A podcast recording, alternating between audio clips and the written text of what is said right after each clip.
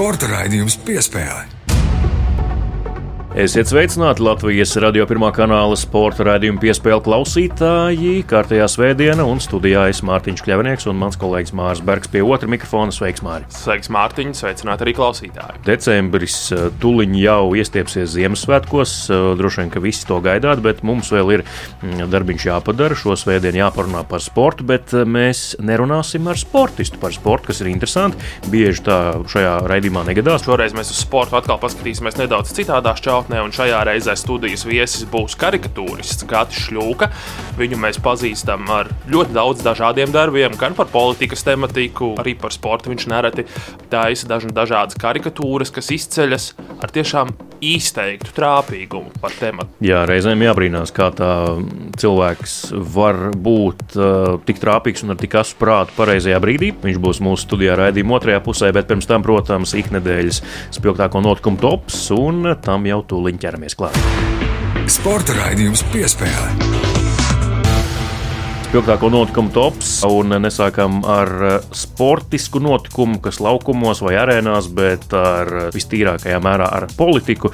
Proti, Startautiskā olimpiskā komiteja arī šonadēļ, pēc pagājušās nedēļas vēlā lēmuma, ka Krieviem un Baltkrieviem būs ļauts startēt Parīzes Olimpiskajās spēlēs, paši komentēja šo situāciju. Tomas Bachs, organizācijas prezidents BBC, sacīja, ka Krievi un Baltkrievi neko nav noziegušies, ka viņu vara tā dara un visā pasaulē šobrīd notiek kāri un tas nedrīkst liekt sportistiem sacensties.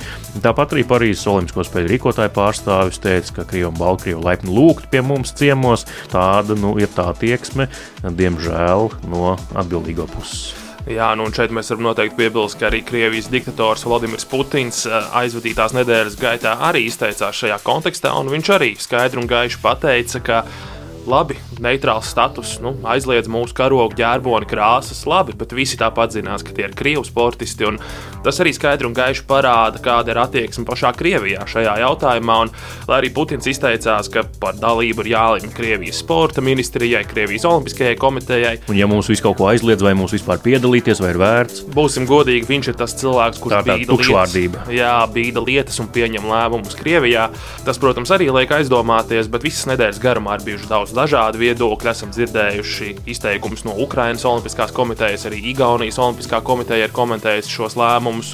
Šīs divas valstis konkrēti neskrien notikumiem pa priekšu, nestrebi kārstu pagaidām. Vārdu boikots gan Ukraina, gan Igaunija pagaidām nepiemina, un jāsaka, ka arī Ziemeļvalstis pagaidām to ar to nesteidz. Tad Zviedrija, Somija, Norvēģija, Dānija. Jā, nu es aprunājos šonadēļ ar Latvijas Olimpiskās komitejas vadību, gan ar Jāni Buku prezidentu, gan ar ģenerālsekretāru Kārlu Lēnieku. Kārlis Lēnieks tā arī sacīs, viņam uzdeva šādu jautājumu tieši vai ir iespējams boikots Latvijas izpildījumā, un viņa atbilde apmēram arī tāda bija, ka nesteigsimies notikumiem pa priekšu. Jānis Buks eh, izmantoja frāzi, ko tu tikko lietoji. Viņš sacīja, nēdīsim šo zupu karstu, nu un sekosim eh, Ukraiņu, piemēram, Ukraiņu laikam tomēr sliecoties braukt, bet eh, vēl lemšot, un Jānis Buks sacīja, ka tuvākā mēneša laikā viņa prāt Ukraiņi pieņems lēmumu braukt vai nebraukt uz Parīzi. Jā, un Ukraiņas delegācijā jau ir kvalificējušies vairāk nekā 50 sportisti, un zinām, ka ļoti daudzos sporta veidos kvalifikācija vēl turpinās un turpināsies līdz pat vasaras sākumam.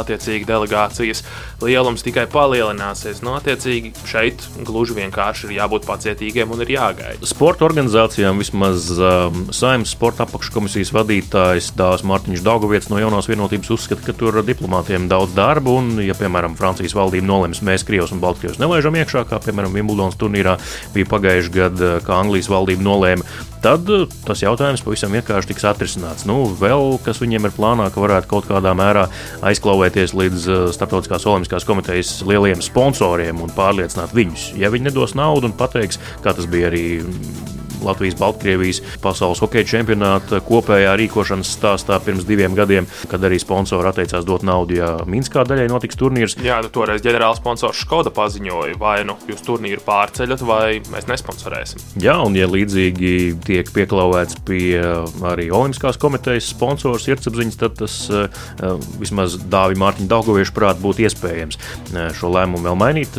Es gan apšaubu, ka tā tas varētu notikt. Nu, Francijas valdība varbūt ir reālāks scenārijs, bet arī es nedomāju, ka pārāk reāls. Nu, aizklauvēties līdz sponsoru sirdsapziņai, tas izklausās vienkāršāk nekā tas ir patiesībā. Mēs tomēr runājam par milzīgām korporācijām. Un, un milzīgu naudu. Un milzīgu naudu. Un, protams, šīs korporācijas uz pasauli skatās ne jau ar ētikas prizmu vai vēl kaut ko tamlīdzīgu. Viņi skatās pavisam vienkārši, kā mēs varam nopelnīt vairāk un kā mēs varam savu produktu reklamēt pēc iespējas vairāk. Un Olimpiskās spēles tam, protams, ir lieliska platforma. Francijas valdība, protams, to var darīt, lai gan SOK noteikumi paredz, ka Olimpisko spēļu rīkotāji nedrīkst likt šķēršļus iebraukšanai valstī personām, kas ir akreditētas Olimpiskajām spēlēm. To mēs paši galu galā esam pārbaudījuši, dodoties uz Olimpiskajām spēlēm kur Olimpisko spēļu akreditācija kalpo kā šīs konkrētās valsts vīza. Protams, Francija var mēģināt pieņemt šādus lēmumus, ja viņi uz to izšķirsies, bet vai viņi to darīs, tas, tas gan nav nezināms. Ne šobrīd mēs to varam pateikt. Vēl pie šī eh, piebilstot, bet varbūt atklājot tādu citu segmentu šajā tematā, tad vairāk arī Latvijas eh, augstu līmeņa sportisti šonadēļ izteica savu viedokli. Trīs ceturdaļas no olimpiskajiem čempioniem, no olimpiskās čempionu komandas ir izteikušies Nauris Miezis, Kārlis Lasmans, Agnis Čavars dažādiem medijiem eh, sacīja, ka viņi nebrauks, jo tur būs Krievija un Baltkrievija. Kaut gan pret Krieviem un Baltkrieviem viņiem jāspēlē nebūs nekādā gadījumā. Nu, gaidām Edgara Krūmiņa viedokli, nu, vēl tāpat arī uh, Gunta Vaičule, uh, sprinteri, arī Latvijas Olimpiskās komitejas atlētu komisijas vadītāji. Viņi izteicās, ka viņas prāt ir jābrauc gan Ukraiņiem, gan Latviešiem, un tur uz vietas Parīzē jāpauž savus viedokļus pret kāru un pret Krieviju, lai visa pasaule to redz. Tas būs produktīvāk vismaz Guntas prāt. Tāpat arī Kristers Zorigs, viens no Latvijas basketbola izlases līderiem, pateica, ka, ja viņam šodien būtu jābalso, braukt vai nebraukt uz Parīzi, ja uh, izlase būtu kvalificējusies, viņš balsotu pret braukšanu. Jā, un, protams, īstu cieņu sportistiem, kur ir gatavi paust publiski šādu viedokli, proti, pat ja viņi kvalificējas, jo visiem tevis nosauktiem sportistiem, gan 3-3 basketbolistiem, gan basketbola izlasē arī Guntai Vaiču, lai viņiem visiem vēl ir jākvalificējas Olimpiskajām spēlēm. Par to vien, ka viņi ir gatavi atteikties no šīs biļetes, par to, protams, cieņa un respekts viņiem.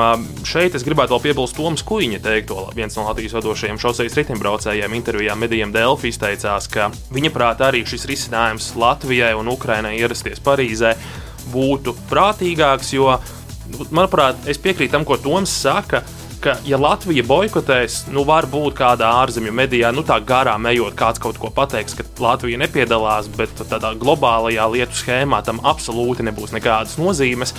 Taču ierasties tur, par to visu laiku runāt un kaut kādā veidā atgādināt, tam varētu būt krietni vien lielāks spēks. Kā to darīt? Skaidrs, Olimpiskajās spēlēs paust politiskos uzskatus un tā tālāk. To nedrīkst, tas ir aizliegts. Taču būsim reāli, Olimpiskās spēles nereti ir izmantota kā platforma, lai paustu dažna, dažādus politiskos uzskatus. Jā, nu, plakāts gluži līdzi paņemt uz startu nevar, lai gan arī tā ir bijis. Atceramies uh, Ukrāņu skeletonistu Pekinas Ziemas Olimpiskajās spēlēs vēl pirms kara sākuma, dažas dienas pirms tā. Bet uh, noteikti savos uh, pēcsacensību komentāros sportisti arī angliski starptautiskiem medijiem droši var stāstīt un izteikties, un ar to tieši sākt savu komentāru, un neviens viņiem muti aizbāzt tajā brīdī nevarēs.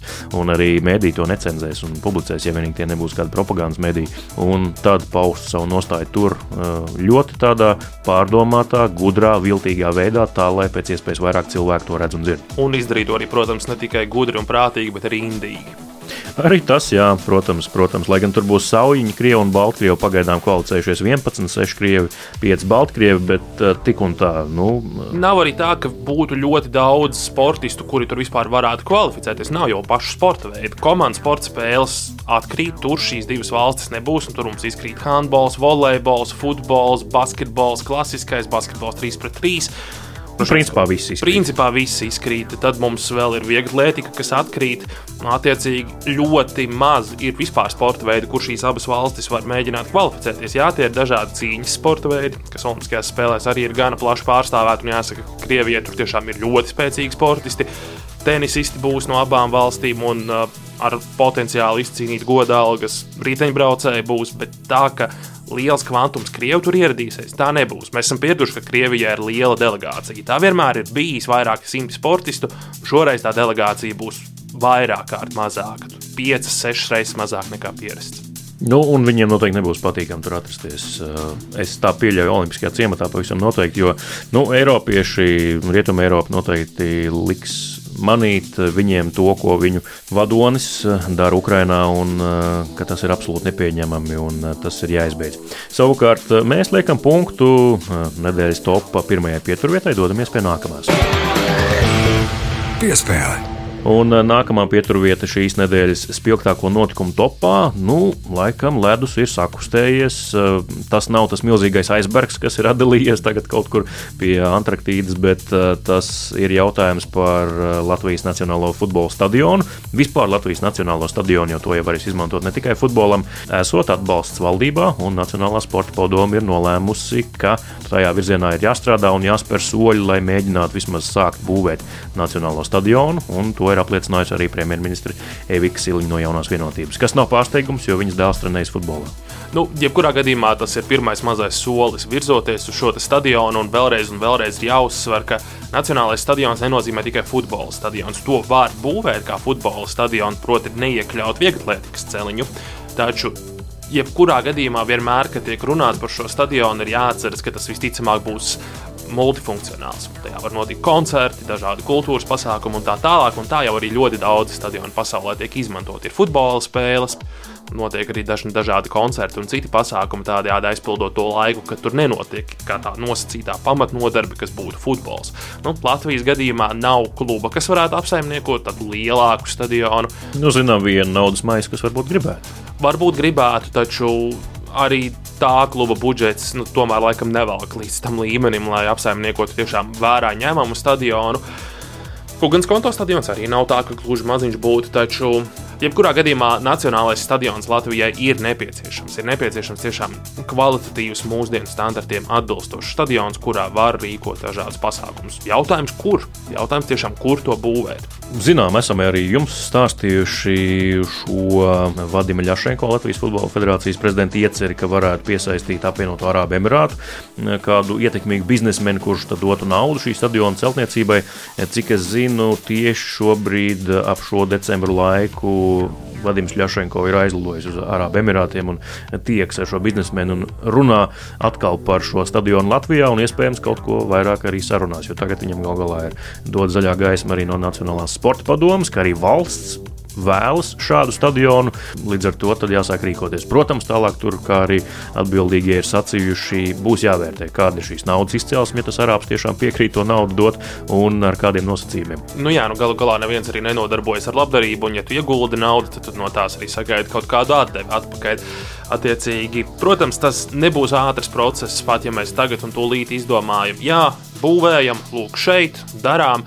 Nu, tas tik un tā prasīs savus 4, 5, 6 gadus. Jā, nu cerams, ka konto stadions līdz tam gadam izturēs. Tad, tas nu, jau ir Daugavas stadions, vēl jau ir tas, kur var spēlēt un rīkot pasākumus. Nu jā, tur arī starp citu uzlabojumi jau pavasarī būs jauns gan futbola laukums, sagums, gan arī vieglatlētikas celiņš nu, un apsildāmais futbola laukums. Tā kā ja Islandes izlase brauks spēlēt šeit rudenī un uzskatīs sniegs, tad pretenziju nebūs. Varēsim uzsildīt stadionu zālē un sniegs izkusīs. Kā jau zinām, tad ne Latvijas futbola izlase tās spēlētājiem, ne arī faniem nepatīk Daugavas stadions, jo tur vienkārši nevar radīt futbola atmosfēru. Tribīns ir tik ļoti tālu no laukuma, ka tu, lai cik skaļi kliegt un cik daudz fanu būtu tribīnēs, tas kaut kur mm, aizlido nebūtībā līdz nu, jā, kokiem vienā, un vilcienam. Jo vienā stadiona pusē jau nekā nav. Tad, tā skaņa tā virzās uz priekšu no tribīnēm, un tā jau nav kur atdurties un atgriezties atpakaļ. Ja otrā pusē ir vilciens, un tur tālumā ir daudz dzīvokļu mājas.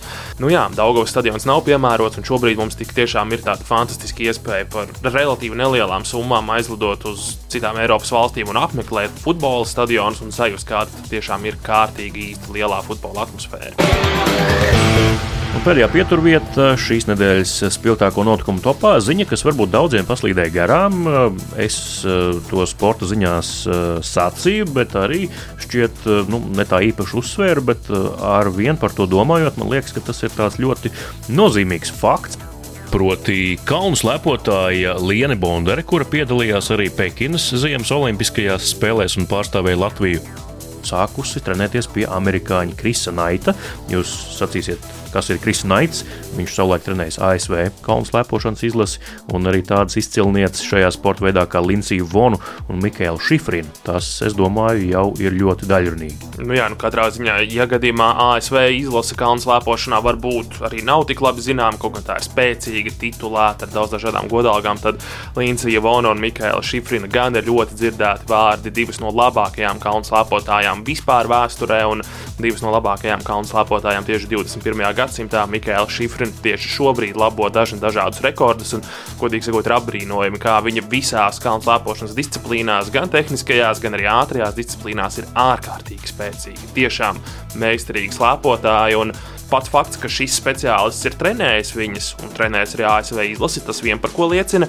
Bet šādi speciālisti arī kuru katru neņem. Nu, tev var būt nauda, bet tu nevari aizbraukt pie šāda speciālista. Tagad pateikt, tā, es gribu, lai tu ar mani strādā. Latvijas kalnu slēpotāji ir uh, savas spējas un arī meistarība, lai uh, iekristu acīs šim speciālistam.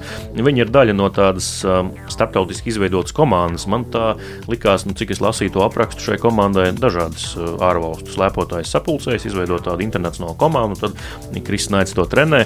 Un, uh, tas kaut kas līdzīgs man šķiet, uh, ka mums stāstīja Haralds Silovs, bijušais ātris lidotājs, tagad ātris lidošanas treneris vienā no šī gada piespēlēm, ka arī viņam Vācijā Incelē ir tāda internacionāla komanda, kur ir latvieši piedalās. Nu, tad kopā viss trenē trenējās un mēģina pierādīt, eh, ka viņiem varbūt eh, katram eh, savā valstī nav ātras lidošanas ovāla un apstākļi, bet kopā sanākot un labos apstākļos viņi var parādīt pasaulē, ko viņi spēj. Jā, nu, kalnu slēpošana arī, protams, šādā veidā cenšas paplašināt šī sporta veida geogrāfiju, lai gan nevar teikt, ka kalnu slēpošanā mēs varam sūdzēties par konkurences trūkumu. Protams, tur ir austrieši, spēcīgi vācieši, norvēģi, šveicieši, francūži, itāļi, slovāki. Tur ir tie paši kanādieši un amerikāņi ir spēcīgi kalnu slēpošanā. Līdz ar to geogrāfija jau tur ir valstis, kurās ir ziema, kurās ir sniegs un kalni. Tās jau pārsvarā arī tur ir spēcīgas. Taču, protams, nekad jau nenāk par ļaunu arī šādas mazākas valstis kā Latvija un arī citas kaut kādā veidā nedaudz pabalstīt un augsta līmeņa speciālistu vadībā arī mēģināt attīstīt vēl kādus slēpotājus, kas var pacīnīties un radīt vēl lielāku konkurētspēju. Galu galā mēs esam ziemas sporta veidu kontekstā daudz runājuši par popularitāti, atpazīstamību un tā tālāk. Kalnu slēpošanu par to nevar sūdzēties. Viens no populārākajiem un skatītākajiem ziemas sporta veidiem vispār. Vēl mēs liekam punktu šīs nedēļas spilgtāko notikumu topam, un tuliņ jau saruna ar karikatūristu Gati Šļūku. Piespēle kā jau um, raidījuma ievadā sacījām, šoreiz par sportu, bet ne ar sportistu, jo mums studijā šodien ir Latvijas avīzes karikatūrists Gats Šļūks. Sveiki, Gati! Sveiki! Jautāšu uzreiz tā, ja mēs esam sporta redzījumā piespēli, cik bieži pašam vispār uh, sanāk ikdienā sekot līdzi sportam, uh, varbūt tu esi fans līdzjutējs vai vienkārši tāds ziņu lasītājs par sportu? Jāsaka, es netik regulāri sekoju līdzi sportam, kad nu, notiek kāda lielāka sporta notikumi, kā pasaules futbola čempionāts, hokeja čempionāts, basketbols. Tad noteikti vairāk sekoju un varbūt pat futbola čempionāta laikā vispār, ja ne visas spēles noskatījos, tad tiešām ļoti daudz. Un, nu, daudz no tām ir tā, ka es zīmēju un fonā iet uh, futbols, un tad es uh, vienkārši, kad kaut kas interesants, tad es paskatos. Bet, nu, tā apmēram kādreiz varbūt Champions League vairāk skatījos, bet tas ir vēl vakaros, un nu, tā pēdējās sezonās pāris laikam tā mazāk sanācis. Bet sports, kā tematika tavās karikatūrās, man šķiet, ka parādās visai bieži. Varbūt es alojos, bet uh, saki, kā ir. Uh, jā, hokeja čempionāta, basketbola laikā, olimpisko spēļu laikā ir bijis jā, diezgan daudz karikatūru, un tad vēl kaut kur pa starpu vēl tagad arī pa futbolu kaut kad uzzīmē, kad atkal bija tur viss tā lieta ar uh, treneru maiņu iespējamo un, un tā. Uh, nu, ir jānotiek kaut kam tādam, nu, kas varbūt arī pavēlk uz avīzes otro lapas pusi, lai zīmētu par to. Tam ir jābūt nu. kaut kam globālākam, nevis tikai kas interesē sporta līdzekļu. Ja? Tam ir jā, jā, jā, jāinteresē lielāka sabiedrības daļa. Teikt, jā. Skatoties pasākumus, gūsti kādas idejas, un kā skaties, o, par šo varētu uzzīmēt. Šis būtu tas, ko vajadzētu attēlot karikatūrā. Jā, jā, pilnīgi noteikti kaut kāda. Nu, kad visādās dzīves situācijās nāk tās idejas. Šodien arī ienāca viena ideja, prātā nedrīkst aizmirst viņu piefiksēt, uzskicēt īstenībā, jo es tagad nebiju laika, bet nu, dažreiz ir tā, ka tās idejas ienāk un varbūt negribās sēsties pie galda un uzskicēt, bet zini, ka ja tu to neizdarīsi, tad viņa aizmirsīsies un tāpēc tas ir jādara. Jā. Nu, es zinu, ka par šo mūziķi mūsdienās eh, vairākas intervijas esmu skatījies, klausījies. Ir sacījuši, nu, mūsdienu realitāte ļoti pateicīga. Ja tev ienāk prātā melodija, tad iedungo vienkārši telefonā, diktafonā un tev paliek. Kādreiz piefiksēt bija ārkārtīgi grūti to, kas tev šobrīd ienāk prātā vai naktas vidū ienāk prātā. To arī mēģini piefiksēt, nezinu, ar balsi ierakstīt, ka es iedomājos tagad šo te vai tev tieši vajag uzskicēt. Mm, nu, pārsvarā es to pierakstu vienkārši telefonā naudas aplikācijā, un, bet tur ir iespēja arī nu, ar pirkstu mazliet kaut ko uzzīmēt. Tad, ir, tad ir kombinācija teksts un zīmējums. Ja man ir nu, tā galvā kaut kā jau, nezinu, kaut kas vizuāli parādījies, kāds varētu izskatīties, tad es to negribu aizmirst, un tad es tur tā ļoti super vienkārši ar dažām līnijām kaut ko arī var, pirkstu varbūt uzzīmē, bet pārsvarā tas ir vienkārši pierakstīts. Kompozīcija kaut kāda, kur kas varbūt atrodas un tā. Nu, tad neviens cits to vispār ieraugot to, kā lai pasakā, tādu uzšvīkājumu, neko nesapratīs, bet es pats uh, atcerēšos, ko es tur domāju tā apmēram. Kur varbūt ir bijuši tādi spilgtākie tēli, personāži no sporta pasaules, ko kādreiz esi zīmējis savā karikatūrās, vai tādu kolorītu personāžu jau nav trūcis gadu gaitā. Latvijas sportā tādu ir diezgan daudz. Nu, jā, vēl no tiem laikiem, kad uh, sporta avīzē arī es vēl reizi nedēļā zīmēju, tad, protams, uzreiz pirmais, kā uzdot šā, šādu jautājumu, tā nāk prātā. Tur Lipmans un, un uh, Valtera trīs divnieci, ko nu, arvien retāk cilvēki tā atcerās. Tā ir tā jā, jā, jā, bet, nu, Redz, tad, kā, tā jau ir nu, leģendāra. Tas jau ir, uh, tā ir folklora vienkārši Latvijas sportā, 32 kg. Tad kādreiz kādā pasākumā zīmē, un tad vēl cilvēki atcerās kaut kādas tās karikatūras no tiem laikiem, citreiz, kuri varbūt Valds Valters pats arī diezgan bieži piemin savos raidījumos tieši šos 32 kg. Tā ar smaidu atcerās. jā, bet nu, tas bija diezgan sen jau. Jā. Kāds laiks viņš ir pagājis, jā, bet uh, man arī domājot, un mums, mēs ar Māru, kad likām kopā sarunas plānu, nu, pirmais, kas iešāvās prātā, ir Kirovs. Viennozīmīgi. Droši vien, ka bija un joprojām ir spilgtākais tēls Latvijas sportā, ko zīmē. Tagad viņš no sporta nu, pagājis malā. Bet... Statistiski būtu jāskatās, cik ir sazīmēts par kādu personāžu karikatūras, nu, par sporta jomu. Nu, droši vien, ka vēl joprojām jālipmanas pēc uh, skaita būtu visvairāk, es domāju. Kirovs nav kādā reizē zvanījis, apvainojies, ka ko tu tur uzzīmēji, kāpēc tu tā uzzīmēji. Es taču tā nedomāju. Nu. Es kaut kur lasīju, ka viņš uh, kaut kādās intervijās arī nu, tur kāds no kolēģiem, varbūt Matuls, vai kurš vaicāja kaut ko par to. Tad, eh, Visticamāk, ka Matuls. Jā. jā, un tad viņš bija atbildējis, ka jā, viss ir kārtībā. Vienīgi, ka es esmu vienu būtisku kļūdu pieļauju, kad viņam ir mutē visi zobi, nevis kā es zīmēju. bet, bet tajā bildē, kad, kad es viņu sāku zīmēt, bija tāda melnbalta bilde, un tur tāds, viņš tur tā smaidīja. Un, Tāda ēna kaut kā, varbūt, jā. jā, un kaut kā izskatījās tā, ka nu, zobu rinda tāda retāka un tā kaut kā tas iegājās. Tas viss balstījās, jo viņam izteikumi bija parasti ļoti spilgti un visticamāk, parasti nevietā, un krāšņi vienmēr tu balstīji to uz viņa izteikumiem publiskajiem vai kaut kādu viņa rīcību, ko tu esi pamanījis varbūt televīzijas ekrānā vai klātienē, kā viņš žestikulē vai ar sejas mīmiku izpaužās? Mm, tieši sporta avīzes, nu, es arī, protams, zīmēju arī Latvijas avīzē, arī tāpat par uh, hokeju un tā. Tad tās bija uh, nu, vairumā manas idejas, bet tās, kas bija sporta avīzē, tās bija vairumā nu, Armāns Puķis idejas un Ērika Strausa vēlāk idejas. Kā, nu, tā, viņi tur dziļāk tajā visā iekšā, tajās aizkulisēs. Tad nu, mans uzdevums bija vairāk attēlot tās uh, karikatūras. Nu, kā to pasniegt, tas, protams, manā ziņā, bet nu, tā pamatideja vairumā nāca no viņiem. Tur kā varbūt veidojas ar tavs kā karikatūristas stils, jo es tagad mēģinu atcerēties arī tās pašas sporta avīzes dienas, kad uh, šis izdevums iznāca biežāk kā reizi mēnesī, kā tas ir tagad. Nu, tas stils šķiet, ka ir gadiem jau ir nostabilizēts un ir viens, bet vai tur ir kaut kāda attīstība pats es redzēju savā zīmēšanas karikatūristas stilā? Mm, pilnīgi noteikti, jā, ja tagad apskatās tās karikatūras, tad uh, ir mainījies tur. Uh, stils, varbūt tā līnija palikusi tāda taisnāka, varbūt drošāka, kaut kā tā, tur varbūt biezāka. Nu, es arī tagad arī lietoju citus mm, zīmēšanas instrumentus. Nu, zīmuļi gan ir tie paši krāsas zīmuļi, bet nu, nu, tādā veidā kaut kā jau visu laiku tā mazliet mainās, tur paliek kaut kādas pamatlietas, tur lielas acis vai kaut kas vēl tāds, bet ir kaut kādas lietas, kas mainās. Tas, ko personāžs saka karikatūrā, tas, kas tiek mm, ierakstīts šajā mm, mākonī vai burbulī virs galvas, eh, kur ir teksts, tajā to arī es palicis drosmīgāks. Tik dažādas tās karikatūras, ka nu, tāda mm, nevarētu teikt, ka es tur kas tad būtu baigi bijis bailīgs un tagad baigi drosmīgs. Laikam to tā nevarēšu raksturot. Tas tā ļoti arī atkarīgs no tās idejas un tā visa. Gribētu domāt, ka karikatūrists pēc savas būtības jau nekādā veidā nevar būt bailīgs, jo karikatūra pat pēc sevis, nu, kā žanrs, ir tāda, kur tā tomēr zobgalīgi mēs uz kādu konkrētu situāciju paskatāmies. Nu, par laimi Latvijā karikatūristam, man liekas, ir diezgan labi būt. Teiksim, tu vari diezgan brīvi izpausties atšķirībā no citām valstīm. Tāpēc. Bet, nu, sports, protams, ir tāda joma, ka nu, tur jau. Bet, nu, varbūt ir kaut kādas, nezinu, tur uzzīmēs kaut ko par viņu Anglijā par to kādu citu klubu tur kaut ko, un tur jau uzreiz tie fani tur gatavi būs nolinčot.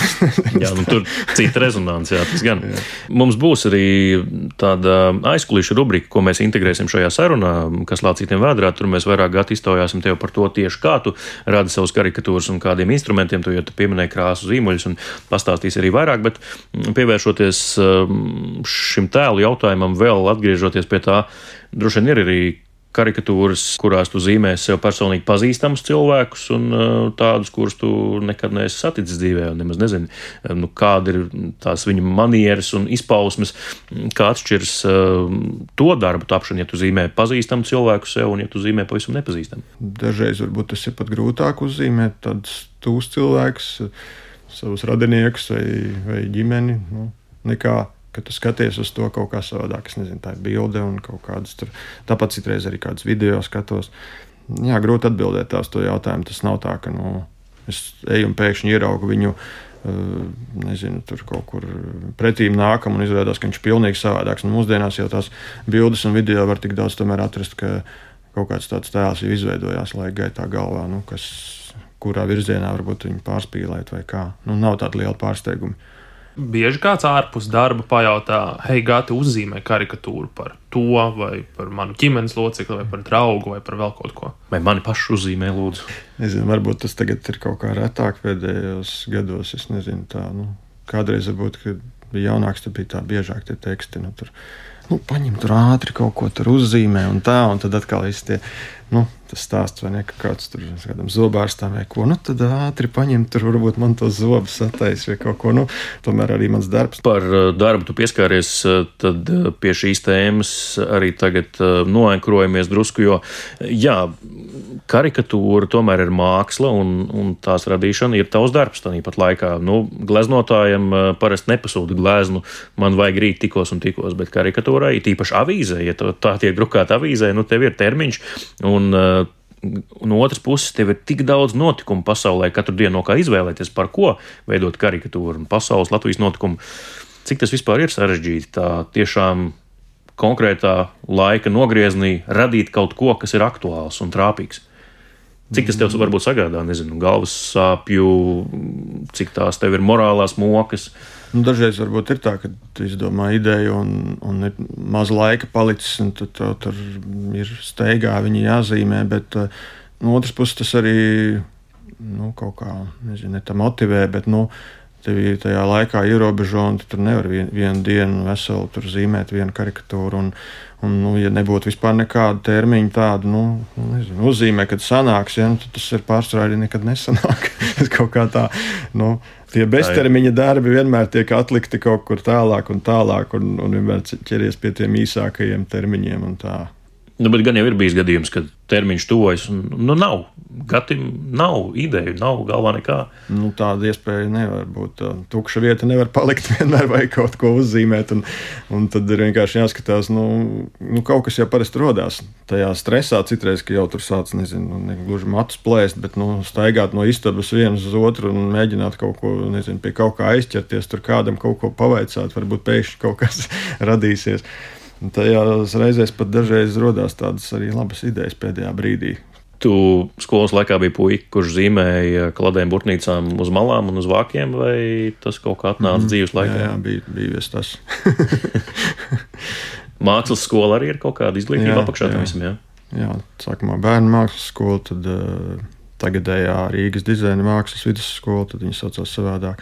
Nu, pēc tam akadēmija, nu tā, viss tas tāds klasiskais uh, mākslas ceļš, teiksim, tā arī ir iziets, jā. Un kur tas noformējās par to vēlmi būt karikatūristam? Kurā brīdī? Nu, jau īstenībā jau pirms stājos bērnu mākslas skolā jau kaut Jau kā jau bija, jā, tad jau es ļoti agri kaut kā. Šķirstīt Bija- daudz- bija- daudz jā, jā, bija pieejami daži, un tad arī no tā tas kaut kā. Vēl tur dažas karikatūra grāmatas, nu, kas visiem mājās no tiem laikiem, kāds bija strups vai kas tur. Tad man kaut kā tas ļoti iepatikās, un tad es jau gan arī stājos bērnu mākslas skolā, lai kļūtu par karikatūristu. Tas tā, tā ir interesanti. Jā, Agri, agri atrast zīmes Parasti tik agri kāds atrod sevi tik agrā bērnībā. Jā, tā, nu, jā, vai nu, kaut kas dzīvē mainās, bet man kaut kā tā sakrita veiksmīgi. Kas lācītim vēderā? Es gribētu, Gat, lai tu paver mums uh, klausītājiem arī priekškārt, cik nu to tu vari izdarīt, un varbūt arī vēlies izdarīt, uh, kā top tavas karikatūras. Pirmkārt, uh, es gribēju noskaidrot, kur. Tu vari zīmēt jebkur, vai tev ir noteikta darba vieta, nezinu, kabinets vai mājās kaut kāds stūrīts, tev vajag to vidi, vai tu vari zīmēt arī, piemēram, šeit radio studijā. Tu varētu uzzīmēt tagad, ja tev vajadzētu nodot karikatūru. Tagad es nevarētu uzzīmēt, jo es neesmu iPadu paņēmis līdzi, bet, ja es zinātu, ka man vajag, vajadzēs šeit uzzīmēt karikatūru, tad es to varētu izdarīt. jā. Tagad tev nevajag to apkārtējo noteikto kaut kādu konkrēto vidi. Nu, visērtāk, protams, to ir darīt mājās pie galda. Tur jau viss jau zīmuļu kaste, jau viss jau gatavībā, un tur un dators, kur tur var redzēt labāk tās bildes. Tur visērtāk, protams, to darīt, bet ir arī iesākts pie galda, tur turpināts mašīnā, un, un, un ne, nevis braucot, bet. Tas labi, tas labi. Šī Es nevaru iedomāties, kā braucot, varētu pazīmēt vēl kaut ko.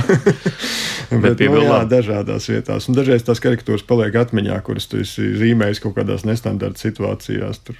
Pieminēja planšetdatoru, pieminēja arī zīmuļkastes, un tagad es mazliet apjuku. Tad zīmēšana notiek uz papīra lapas ar reāliem zīmuļiem, vai tomēr izmanto planšetdatoru, kur tomēr ir ļoti moderni, ar ļoti labiem šiem atsvaidzes rādītājiem, ka tur zīmolīts neķerās un visu redz, un krāsas un viss ir smuki. Kā tas notiek dabā? Ir papīrs vai tomēr elektroniski? Pirmkārt, vienmēr tiek zīmēts ar roku. Jau. Nu, parasti cilvēki saka, nu, var zīmēt, varbūt var ar roku uzzīmēt. Nu, nu, jā, nu, ar kāju es nezīmēju, tas vienmēr ir ar roku, bet nu, vai zīmēt uz papīra. mm, Vai datorā, nu, tā kā planšetē, datorā, nu, tas ir manā gadījumā, tas dara planšetē. Jā.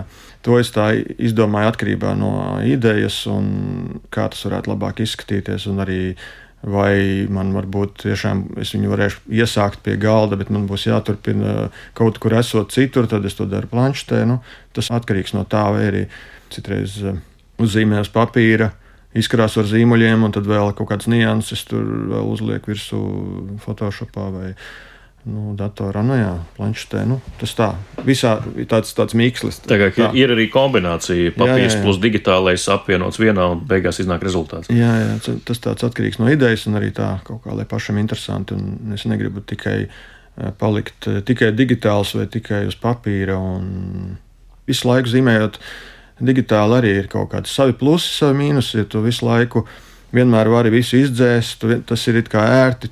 Tur nospied divu pirkstus, un atkal viss ir izdzēsies. Un, un tā, bet, tā, kad tu pierodi pie tā pārāk daudz, tad atkal uz papīra vairs nevar pazīmēt, jo tu nu, vairs nav tā iespēja nospiest kaut ko un izdzēst. Ja. Tev tātad eh, planšetdators viens no galvenajiem instrumentiem, bet papīrs un zīmuļi arī joprojām ir pirmrindnieki. Cik tev ir vispār? Zīmuļu kastes, zīmuļi kā tādi, cik tev ir to Nu, instrumentu? krāsu zīmuļi kaut kur. Nu, viens komplekts ir 120, tad ir vēl kaut kas bišķiņš klāt, nu kaut kādi, nezinu. Starp 120 un 150 kaut kur tajās robežās krāsas. It kā liekas, nu, priekš kam tik daudz vajag. Bet, Jā, eh, kāpēc tik daudz vajag? Jā, bet tad, kad Toņi tad, kad dažādi. Zīmē, jā, tad tur pat varbūt arī vienalga kaut kāds atradīsies. Mm, Vajadzētu kaut kādu, nu, jo tie pustoņi ir visvairāk tie, kur aiziet kaut kādi, nu, varbūt kaut kādas tur ļoti košas krāsas, tur kaut kāds tur spilgti rozā, vispār tikpat kā netērējās jā, zīmols, bet kaut kādi tur. Brūnganie, entie, tur kaut kādi zilganie toņi un iztērējās, un atkal jāpiepērk jauns kaut kas vietā. Zīmuļi noteikti jāuztur asi. Mm, Nē, es viņus neasinu ļoti tos eh, krāsu zīmuļus, jo nu, tad daudz aiziet miskastē tās krāsas, tāpēc uh, tie nav. Var arī ar tādiem bet, strupiem neāsiem krāsot. jā, ar tiem var, bet, bet nu, ar to, ar ko skicēt, tas parastais zīmols, tas gan ir jā, jāturās. Jā. Man ir kaut kad pasen nopirkti trīs zīmuļu komplekti. Tādi viens, viens lauku mājās, viens uh, bija redakcijā kādreiz, kad es tur nu, vairāk zīmēju uz vietas. Tagad es tur tikpat kā uz vietas nezīmēju. Un viens mājās, nu, tagad eh, man zīmuļi pietiek labam laikam, jo jā, viņi iet diezgan ilgi. Cena tikai aug zīmuļiem, tā kā tas ir labs ieguldījums. Labāk nedzēsties un nekļūdīties, lai nav lieku reizi jāpārkrāso. Klausītāji, ja negribat ieguldīt akcijās vai, nezinu, retroautomašīnās, tad zīmuļi varbūt ir laba alternatīva. Jā, jā, viņi ne, par labi zīm... glabājās, nav arī tāds termiņš īsts. Kā... par zīmuļiem vēl runājot, tie ir kaut kādi nu, speciāli, profesionāli, kaut kā citādāk ražoti vai tie ir ir vienkārši nu, parasti zīmuļi, kurus mēs varam iet parastā grāmatnīcā vai lielveikalā un nopirkt. Tos nevarēs laikam nopirkt parastā grāmatnīcā. Jā. Mākslinieku veikalos varēs nopirkt, bet eh, nu, tās firmas zīmuļi, ar kuriem es sāku zīmēt, eh, es pirmo kastu Londonā pirku, jo te nevarēju nopirkt. Tad es eh, kaut kā ar to firmu sāku zīmēt, un tad arī tagad tā ir ārpus Eiropas Savienības, un vispār to firmu vairs netirgo Eiropā. Laikam nav izdevīgi kaut kas tur. Tad, tad jā, ja gribās tieši to firmu nopirkt, tad jābrauc bez mazliet. Nu, jāsūta caur internetu vai uz Angliju, jābrauc pakaļ atkal.